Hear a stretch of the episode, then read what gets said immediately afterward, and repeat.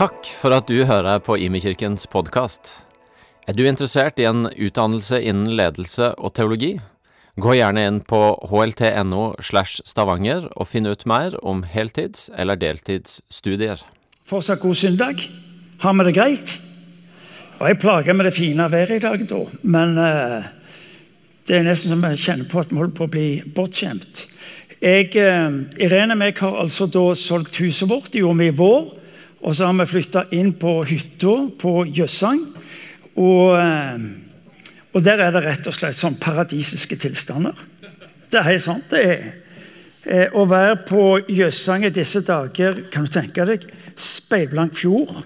Eh, ikke en båt, det er, ikke, det er ingen form for støy. Og så sitter du der ute, og så har du det utsynet. Og så sier folk til meg, ja, kan du tenke deg å flytte inn der. Vi driver veldig på å lete etter leilighet. Vi skal kjøpe leilighet på Tjensvoll. Så spør folk kan du tenke deg å flytte inn der og bo der fast. Nei, er du galen, sier jeg. Der hadde jeg jo dødd.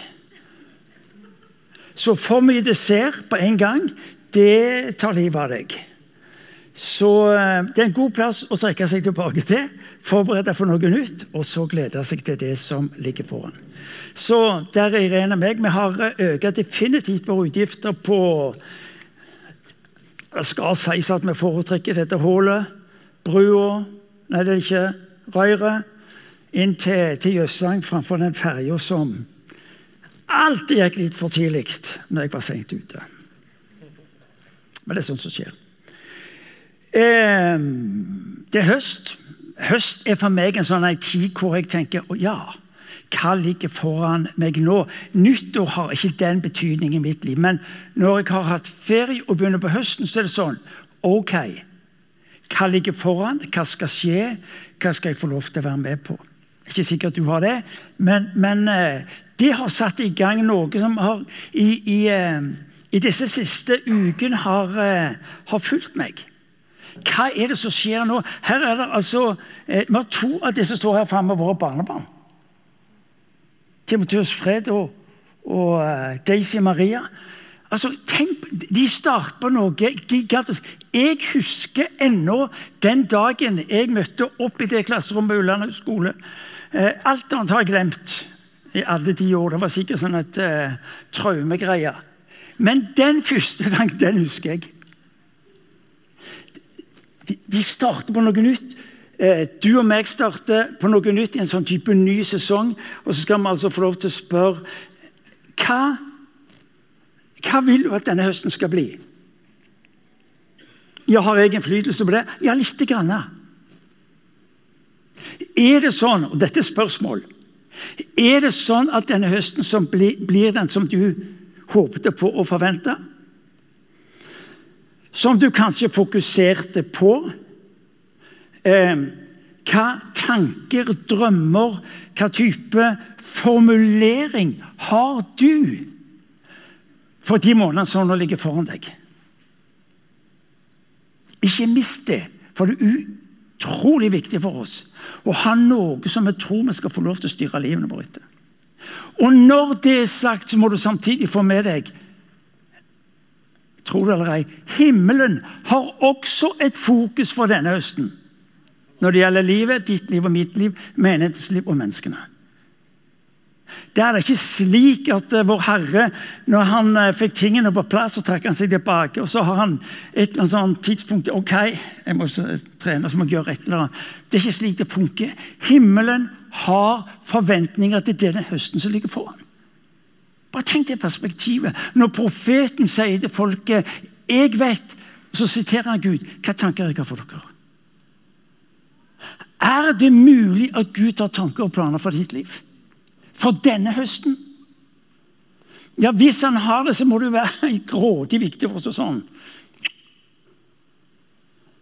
Kommer han i det hakket?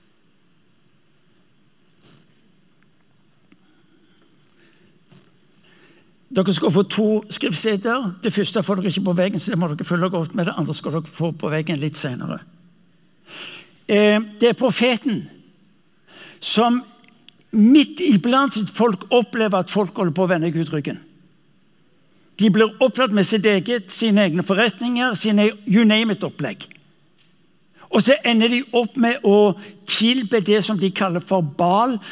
Fruktbarhetsguden, den som på et vis skulle være nøkkelen til vekst, suksess og fremgang. Og så skjer det at de på et vis blir mer og mer tilbaketrukket for det Gud har for dem. Og så er altså kirkas representant ved profeten Kirka sin representant, du. Altså, dette går galt. Og Så prøver han å nå inn til folket, og folket ser han, smiler, er overbærende med han, og går en annen vei. Så tenker han ok, Gud, hva gjør vi nå?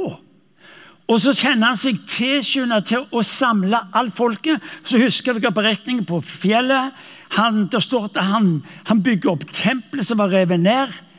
Og så skal han altså tenne Han skal få et offer der til å begynne å brenne. Så sørger han for å gjøre det fryktelig vanskelig, for at han eh, heller mye vann oppå disse dyreskrottene, slik at det skal være maksimalt umulig for vår Herre å gripe inn. Og så har han en formulering som har fulgt meg i disse dagene. Han kunne gjort en hel masse andre ting for å få dette folket til å snu. Men bønnen hans er 'Gud, la det bli kjent at du er Gud'. Altså når eh, når eh, profeten ønsker å snu folket sin oppmerksomhet, så vender han seg til Gud og sier Gud, du må la det bli kjent at du er Gud. Og så syns jeg den siste delen av setningen også er litt sånn kul å forstå. Og at jeg er din profet. Det er nesten som han sier du, Gud, nå må du ta tak, og så må du sørge for at folk skjønner at jeg er på ditt lag. Nesten sånn. La det blir kjent at du, Gud, at du er Gud, og jeg er din tjener. Profeten er pressa, han er stressa, han utfordres av systemet. Når vi velger i dag å synge salmen fra Martin Luther, hvor Gud han er så fast en borg, så er det for at du og vi skal forstå utgangspunktet vi skal ha for å møte denne høsten. Profeten hadde det til et folk som ikke skjønte hva de holdt på med, ble profeten så Herre, la det bli kjent for dem hvem du er. Og når Martin Luther skriver denne salmen, så, så har han jo hele dette religiøse systemet foran seg. Og så sier han Gud, la dem nå skjønne og begripe at du er Gud. Og at du står fast. Uansett, samme søren, hva de nå måtte ha av makt, verdslig og religiøs. La oss gå litt lenger ned vi lever i ei gyselig utfordrende tid, folkens. Eh, jeg er blant de eldre her inne. Jeg kan ikke huske at det har vært så mye uro i samfunnet som det er i dag. Uhyre interessant. Aldri møtt det. Uro. Utfordrende. Ja, Ikke bare samfunnsmessig, men kanskje også for Kirka. Mindre og mindre interesse for kirke. Samtidig så opplever folk at Kirka er anonym, irrelevant og ikke behovet. Og som en naboen sa til meg, Martin, du er jo rimelig oppegående, du. Men jeg fatter, begriper ikke hva du holder på med i den kirka etter. Folk flest i dette landet syns vi er gysla rare. Men vi må bare, bare spørre. Spør på arbeidsplassen din. Treffer du folk på gata og spør du, når du hører kirka, hva tenker du da? Det er altså nesten tre bind av Eder og Galde. Altså, Denne verden bryr seg da vel ikke om våre interessante spørsmål. Dåp, kvinnelige prester, liturgi Det bryr de ikke om. Eller alt det fine han holder på med. Betyr det at folk ikke er opptatt med Gud? Nei, det er ikke det det går i. Det er klart folk er opptatt med Gud. Alle mennesker er jo opptatt med Gud. Ja, han er ateist. Ja, det er mange sånne plakater. Men hvis jeg ikke tror på han, så jeg i hvert fall sørge for å være imot han. Gud, altså. Jeg tror verden er på leit som aldri før. Jeg tror Den største tabben vi gjør som kirke, det er å konkludere at folk bryr seg ikke om Gud, for de går ikke i kirke. Er det godt mulig vi skal takke Gud for de ikke går i kirkene? For at ikke forvirringen skal øke. Nei, ikke, ikke vet jeg. Men kan du tenke deg noe mer ubegripelig og egentlig tragikomisk? At vi som kirke har makta å gjøre allmaktens Gud anonym, kjedelig og irrelevant. Folk, Vi må ta den der litt innover oss. Av det så tar vi et drabelig oppgjør med politikere. og jeg vet ikke hvem vi skal ta et oppgjør med. Kan ikke skylde på politikerne. De, de, gjør jo så godt de kan, de. Ikke kjeft, ja, men de, de står, ja, det er klart de gjør det. De står for det de står for, for det er utgangspunktet de får livet. Men ikke kjeft på dem. De gjør så godt de kan. Om du er uenig med dem, ja, det er, det er tillatt. Men ikke kjeft på dem. Det gjelder nok når de driver på kjefter på hverandre om ikke du skal være med i et eller annet type kor. La det bli kjent at du er Gud. La det bli kjent at du er Gud. Hvordan? Og Her skal du få tre enkle stikkord som for meg har vært avgjørende i min vandring i å kunne få lov til å på et vis ikke overveldes av den verden jeg lever i. Det kommer opp på engelsk, det er nemlig på engelsk, og det er tatt ifra The Message. Og Det står i Lukas evangeliet kapittel 12 og der står det 'Steep yourself in God reality, God initiative, God provisions'. Du kan la teksten stå eh, en stund. Eh, hvis du og meg både skal forstå hvem Gud er inn i denne verden og har betydning, så er vi nødt til å hva slags type Guds virkelighet er det vi snakker om. Det står at Gud skapte mennesket i sitt bilde. Til tider lurer jeg på om vi holder på å skape Gud inn i vårt bilde. Slik at han skal tilpasses, fungere i henhold til det som måtte være våre ønsker, lengsler og drømmer. Guds virkeligheten. Gud skapte deg og meg i sitt bilde for at vi skulle bli lik ham. Guds virkelighet, hva er den? Det er meg gitt all makt i himmelen og på jord. Meg er gitt all makt i himmel og på jord. At det skjønner du og meg fryktelig lite av. Kan jeg få bilde fra verdensrommet? De som har greie på det, ser med en gang at dette er jo Melkeveien. Det er altså 300 milliarder stjerner der. En av de er sola. Før alle ting er jeg ser. Er det mulig at Gud er Ikke hvordan, den debatten kan du ta en annen gang. Men han var den som satte noe i gang. Det står at han talte, og det skjedde. Han bød, og det sto der. Det er altfor mange av oss som tror at når vår Herre opptrer på scenen, så oppdager han til sin overraskelse at det er jo en hel masse ting i dette universet som jeg ikke var oppmerksom på før. Eller Eller Han talte og det skjedde. Melkeveien. Ja, hør nå. Hans mål er ikke å brife med sin allmakt. Hans mål er å få si det deg jeg ønsker å være allmektig i ditt liv.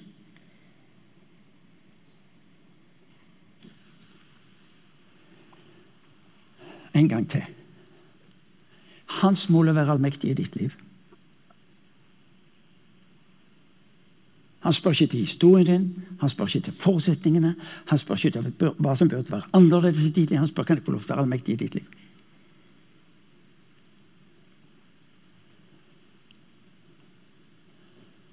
Kanskje er vår største fare at vi holder på å redusere vår Herre eh, til noe som vi trenger til når vi ikke får livet vårt til å gå i hop. Mens det han ønsker egentlig Ikke å bli tatt ned i det som er din og min livssituasjon her nede, men at han skal få lov til å løftes opp og tas inn i det som er hans liv for deg og meg. To forskjellige ting. Guds virkelighet.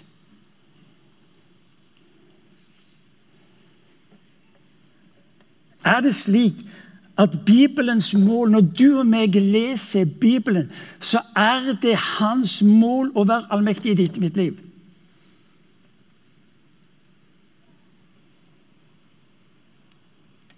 Disiplene trengte tre år, for de skjønte bedre å tenke annerledes. Og se seg sjøl som en del av Guds virkelighet. Det disiplene lærte gjennom tre år, var ikke primært en hel masse læresetninger. Jo, det òg. Men i essens var det dette de lærte å motta. Noen av dere har hørt meg altfor mye, eller kanskje mange ganger sagt ikke for mye. Og dere vet at dette, jeg opplever at dette er kjernen. Og, og Hva vil det si å være en Jesus-etterfølger? Hva vil det si å være en kristen? Det skulle motta for Gud. Allmaktens Gud som stiger ned, blir værende for at du og meg ikke skal mangle noen ting for å bety en forskjell i denne verden. La det bli kjent at du er Gud. Ja, han får virkeliggjøre det i ditt og mitt liv når han får lov til å være allmaktens Gud i ditt og mitt liv. Bibelen sier 'bygg på ordet'. Hva sier ordet? Når du og meg leser løftene i Guds ord, så må det ikke bli slik at du og meg tenkte ja, det var da en interessant eh, formidling av noe som er høyst urealistisk. Han skrev dette fordi han mente det. Hvis han ikke hadde ment det, så hadde han heller ikke skrevet det. En gang til. Han har en plan om å få lov til å være allmaktens Gud i ditt og mitt liv.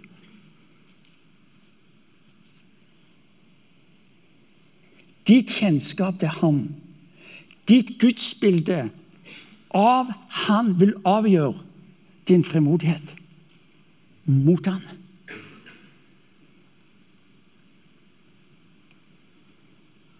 Hvis ditt kjennskap til Gud er sånn ymse, fjernt, distansert, så vil det ha avgjørende konsekvenser for ditt mot på å skulle nærme deg ham. Be han om, rope til han, osv. Mens hans bekjennelse over ditt liv at jeg er din Gud. Sagt før og gjentas. Hva vil det si å være en Jesus-etterfølger? Det å la Gud få lov til å være Gud i livet ditt. Det å la Gud få lov til å være Gud i livet ditt. Han spør ikke om noe annet. Størrelsen hør nå, størrelsen på din Gud vil være avhengig i hvor stor grad han får lov til å velsigne deg. Ikke dine kramper på et eller annet. Men i den grad han får lov til å velsigne ditt og mitt liv, vet du hva, vil han også bli synlig. Når profeten er opptatt med å bruke 'la det bli kjent', så ses det i forhold til hva Gud vil gjøre i ditt og mitt liv. Og Da kan du og meg si ok, jeg er med ca. hertil. Mens Gud sier jeg har satt foran deg et bord som er fullt av alt det du trenger for at du skal få lov til å leve det livet jeg har kalt deg til å bli en forskjell i denne verden.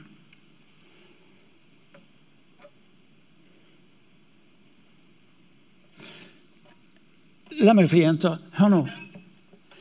Gud er ikke primært opptatt hvor mye du presterer, men hvor mye han kan få lov til å gi inn i ditt liv. Han er langt mer opptatt med hva han kan få inn i ditt liv, enn ut av ditt liv denne høsten. For et utgangspunkt. Vi har jo en sånn meningsløs sånn en all in-debatt. Jeg Egentlig snudd tingene fullstendig på hodet.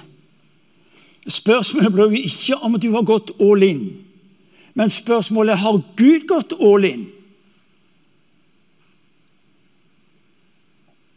For det er jo det som er greia. Han har bare bedt deg om å følge ham.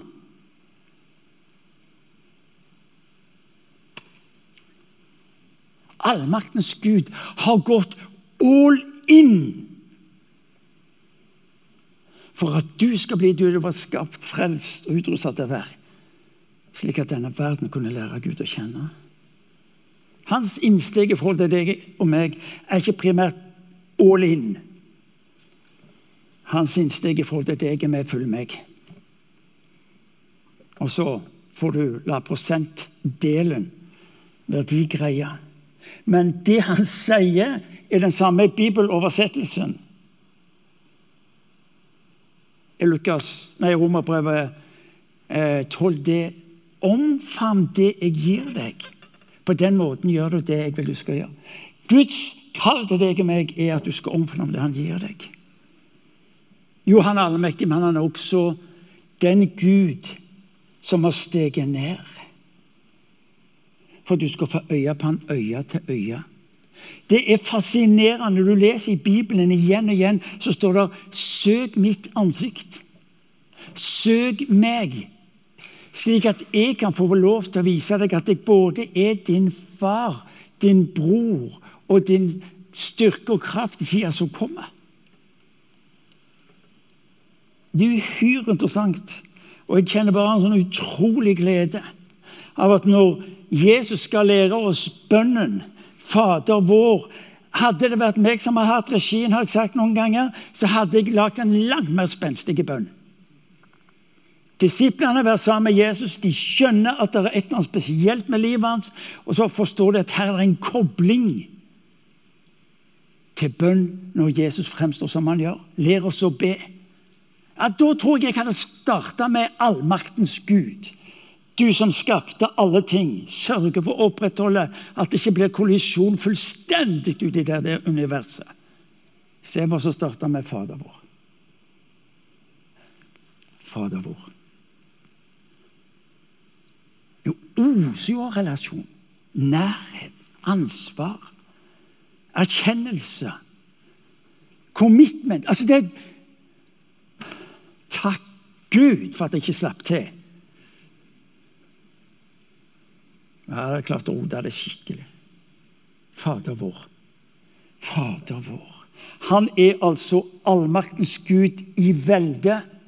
Og så er han altså i relasjonen, i det ydmyke nære, for at du og meg som sønn, datter, aldri skal tvile på at det er en Gud som er nær.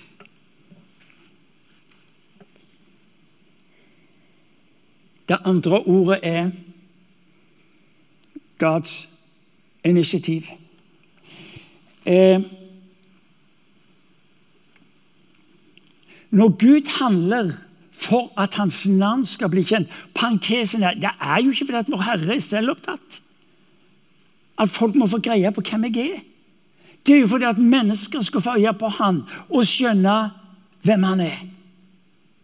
Og der Han får lov i ditt og mitt liv eh, synliggjør det, vil jo mennesker rundt oss våge å tro at denne guden kan da ikke være så umulig som jeg først trodde. Men han er en gud som har kommet ned, og som vil være Gud i mitt liv. God initiativ. Guds initiativ. Når, når, han tar deg inn i sitt, så er det fordi at du skal for at han er i bevegelse med det som ligger på hans hjerte, og som du skal få lov til å være en del av. Når Gud handler inn i denne verden, så vil du oppdage igjen og igjen og igjen at det tar utgangspunkt i hvem han er, og så tar han deg inn i det som ligger på hans hjerte. Der ligger hvilen. Deri ligger hvilen. Det var som jeg sa fra romerbrevet. Omfavn hva Gud gir deg. Det er det beste du kan gjøre for ham. Ja, det er en sånn en Jeg liker den der arbeidsfordelingen. For det tar utgangspunkt i noe han holder på med, og ikke hva jeg på dødelig skal finne, opp, finne, på. Jeg har sagt det før, det er klart at Av og til er vi litt sånn opptatt med å gjøre Gud relevant. Kan du tenke deg når borti veggene i idioter skulle snakke om å gjøre allmaktens Gud relevant? Kan vi ikke overlate det til han sjøl? Og så blir vi heller med på det han måtte finne på. Selv om det godt mulig kan være litt sånn scary. Men, men uh, er du med meg? God initiativ. Han tar initiativet. Når du spør Gud hva gjør du nå, så vil han normalt sett ta utgangspunkt i det i din hverdag. Jeg trenger kontinuerlig den påminnelsen, for jeg glemmer det så fort. Martin, når jeg handler, så handler jeg inn i din hverdag. Jobben, dagliglivet, der ute. Vi kjenner alle beretningene fra Lukas evangeliet kapittel 5, hvor Jesus dere så bilde av den for ungene. Hvor, hvor Jesus eh, eh, låner båten til Peter for å preike. Og når han så er ferdig med å preike, så sier han til Peter Peter, nå må du ro ut og fiske. Dere har ikke greie på fisking som sitter her. I hvert fall ikke Genesaretsjøen. Eh, en eller annen makrell har du vel kanskje dratt inn, du òg. Eller laks. Det viktigste er ikke å få laksen, sa en god venn av meg. Men det å stå der med, med vannet til livet og bare kjenne at du lever uten laks, sier jeg. Ja, ja vel. Så jeg har aldri fiska laks. Skjønte ikke at det var livet. Poenget var Peter Legg ut og fiske. Og Peter, som den erfarne fiskeren han var, skjønte at denne tømmermannen fra Nasaret, som er i fjellbygd, han hadde ikke mye greie på fiske, og så gir beskjed til han. Hør nå, Jesus er åpen for dine motargumenter. Han er ikke fragile. Han er ikke skjør. Peter, du vet du hva? Det er feil tidspunkt. Time out. Men så er det noe og Folk spør meg av og til du, hva er tro. Tro er lydighet. Men det er greit, sier Peter. Jeg skal gjøre det fordi du sier det. Og så er de i båten, og så ror de utover, og omgivelsen som inne på stranden, de ser at Peter han holder på å skal fiske. Og de roper 'Peter, hva er det du holder på med?' Og Peter sier som ærlig er, 'Jeg vet ikke'. For han vet egentlig ikke hva han holder på med, men han har valgt å være lydig mot noe en har sagt til ham, Jesus. Og For meg er den beretningen egentlig så befriende. For det var ikke mengde tro som bevegte Peter ut på sjøen.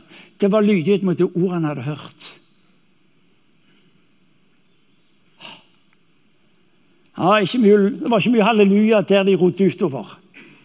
Nei kikka ned, rodde og tenkte seg sjøl nå driter jeg meg loddrett ut. Du ser det at hvis Jesus skal bli kjent mellom oss, må vi våge å være med på det han gjør på den måten han gjør det. Og Når du og meg våger i lydighet å handle på det han tar oss inn i, så utvides vår forståelse av hvem denne guden er. Det er klart Jesus kunne jo funnet på andre løsninger. Noe mer guddommelig spenstig.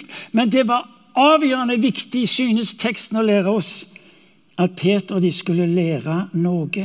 At når han vil åpenbare sin herlighet, så vil han åpenbare den på ditt liv og mitt liv og de manges liv som følger ham. Han kunne nok ha sørga for noe mer spektakulært enn den gjengen som rodde ut men han ønsker å ta dem inn i Når Gud ønsker å la hans navn bli kjent, så tar han oss inn i det som ligger på hans hjerte. Ja, Pinsemenn har ikke kommet ennå, kom sikkert på neste møte. Men det burde være grunn til å si i hvert fall et lite halleluja. Hvor stor er din Gud? Hvor stor er din Gud? Han er så stor som han får lov til å vise seg på ditt og mitt liv. Her er det ikke snakk om åndelig styrketrening. Her er det snakk om evne til å ta imot og la Gud få lov til å være Gud. På jobben, skole Når du beveger deg ut av morgenen, inn på arbeidsplass, hvor det måtte være henne, så sier Feserbrevet noe om at jeg har lagt ferdig foran deg, ferdiglagt gjerninger. Gud pluss deg, alt er mulig. Det er gyselig godt sagt. Gud pluss deg, alt er mulig. Hva er det du ser? Byen? Menigheten? Er det undergangen, dommen, håpløsheten? Hva ser Gud annerledes enn det du og meg gjør? Det er egentlig et veldig godt spørsmål. Når du vurderer en situasjon, kanskje skulle du stoppe opp og si time out, og så spør Herre, hva ser du? Altfor ofte er vi opptatt med hva han skal løse. Men det er godt mulig at løsningen vil være neste gang. Hva ser du? For du og meg ser jo ikke tingene som de er, vi ser de som vi er. Og det er godt mulig at vår Herre, når han vurderer en situasjon, vil eh, Ja, bare tenk på det. Det kan jo være en idé. Teamarbeid. Gud pluss deg, alt er mulig. Er interessant når han sier i den gamle boka 'Løft øynene til himmelen' og se så på jorda her nede.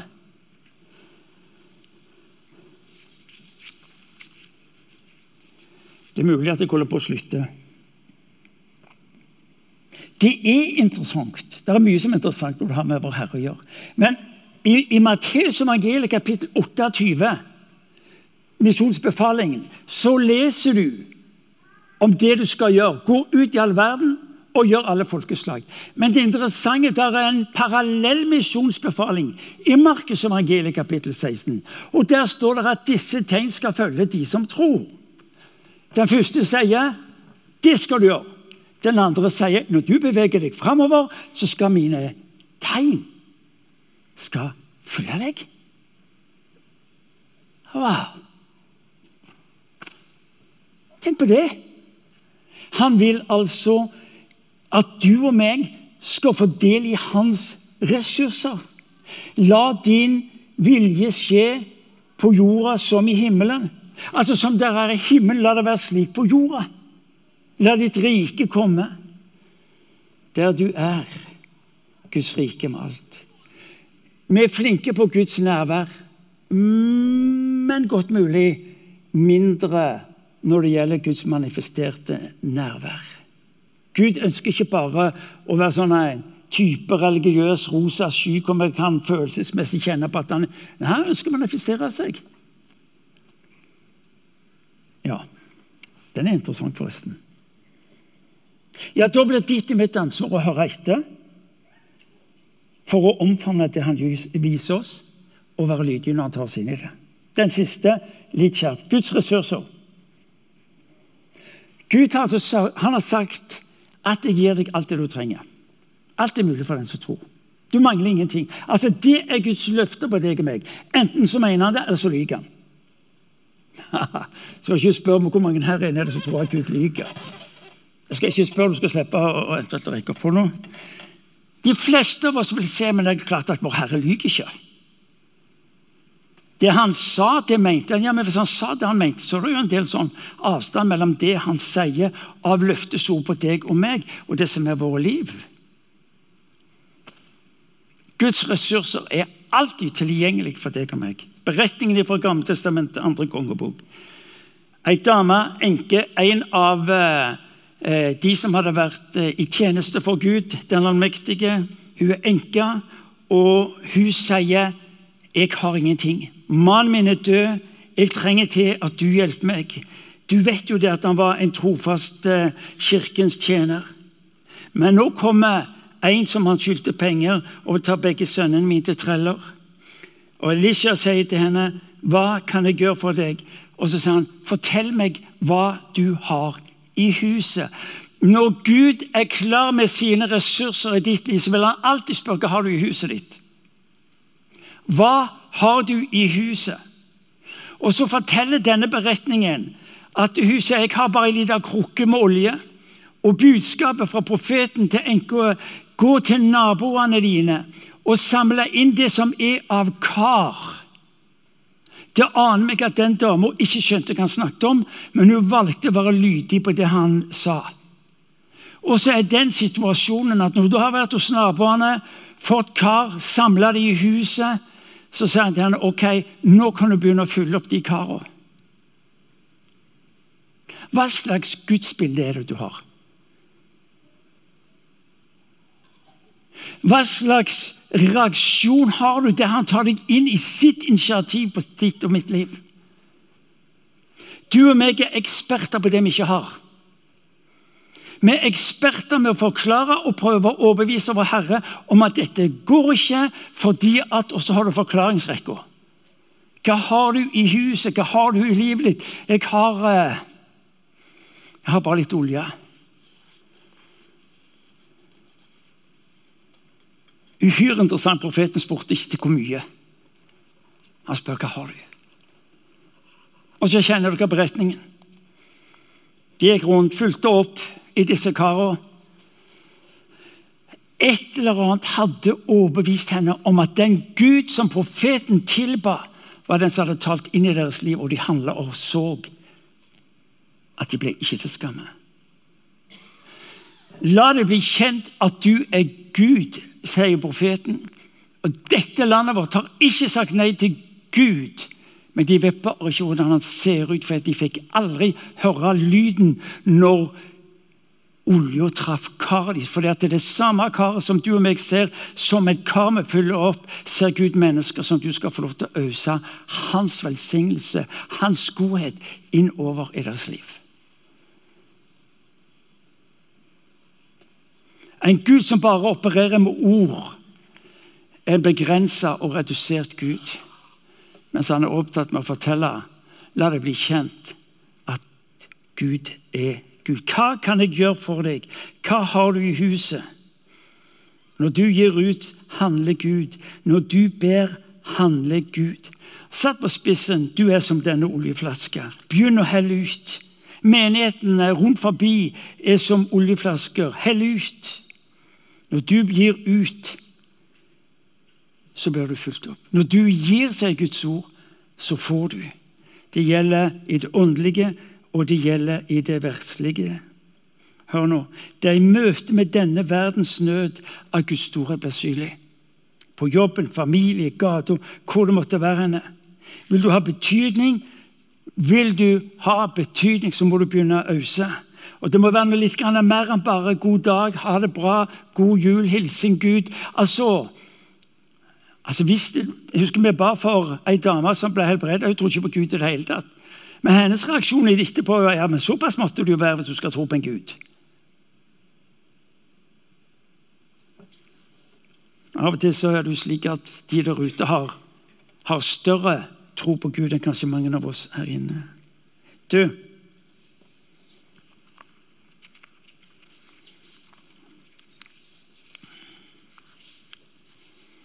La det bli kjent at du er Gud. Jeg gjentar det er ikke å drive en best mulig PR-kampanje for Jesus, men du skal få motta for han i nettopp perspektivet av at han er Gud den allmektige. Han er Gud, din far. Han er den som initierer i ditt liv det du skal få lov til å rekke ut i denne verden. Og du skal slippe å spørre om eh, Gud, jeg har ikke, eller hva gjør vi når alt er tomt? Eh, Øystein, vi skal synge Kan vi reise oss? Vi skal synge en sang som jeg har blitt utrolig glad i. Eh, det er en sang som tar oss inn i hvordan skal vi få lov til å møte denne verden, eh, denne tida med sine mange utfordringer. Og så er sangen 'Waymaker' eh, skrevet eh, Og den formuleres på en måte hvor du får tak i at eh, det handler jo ikke om meg. Det er jo han som er lyset i mørket. Det er han som er underets gud. Det er hans, og så, og så får du hjelp til å få øye på og hvile i at uansett hvordan livet ditt er, så vil han være the waymaker. La oss be. Herre Jesus Kristus, vi takker deg fordi du er mellom oss som den som elsker. Herre, vi takker deg for den fenomenale muligheten skulle få lov til å framover denne høsten og vite at himmelen, himmelen har en forventning til hva den skal få lov til å bli for den enkelte. Herre, vi takker deg fordi du gir oss rett bilde av hvem du er. Takk, Herre, fordi du minner oss om at du er den som tar initiativ til hva som skal få lov til å være vårt liv, hvordan vi skal leve det ut. Herre, du er også den som minner oss på at du har alle de ressursene vi trenger for at denne verden skal se at du er Gud. For vi ber, la det bli kjent at du er Gud ved våre liv, Herre. Herre, hjelp oss i denne tida å, å se. Fokusere, Herre løfte, Herre, eh, hele vår oppmerksomhet til deg. Slik at Herre, vi kan få lov til å motta fra deg, du gode og rike Gud. Vi ber Jesus i ditt navn. Amen.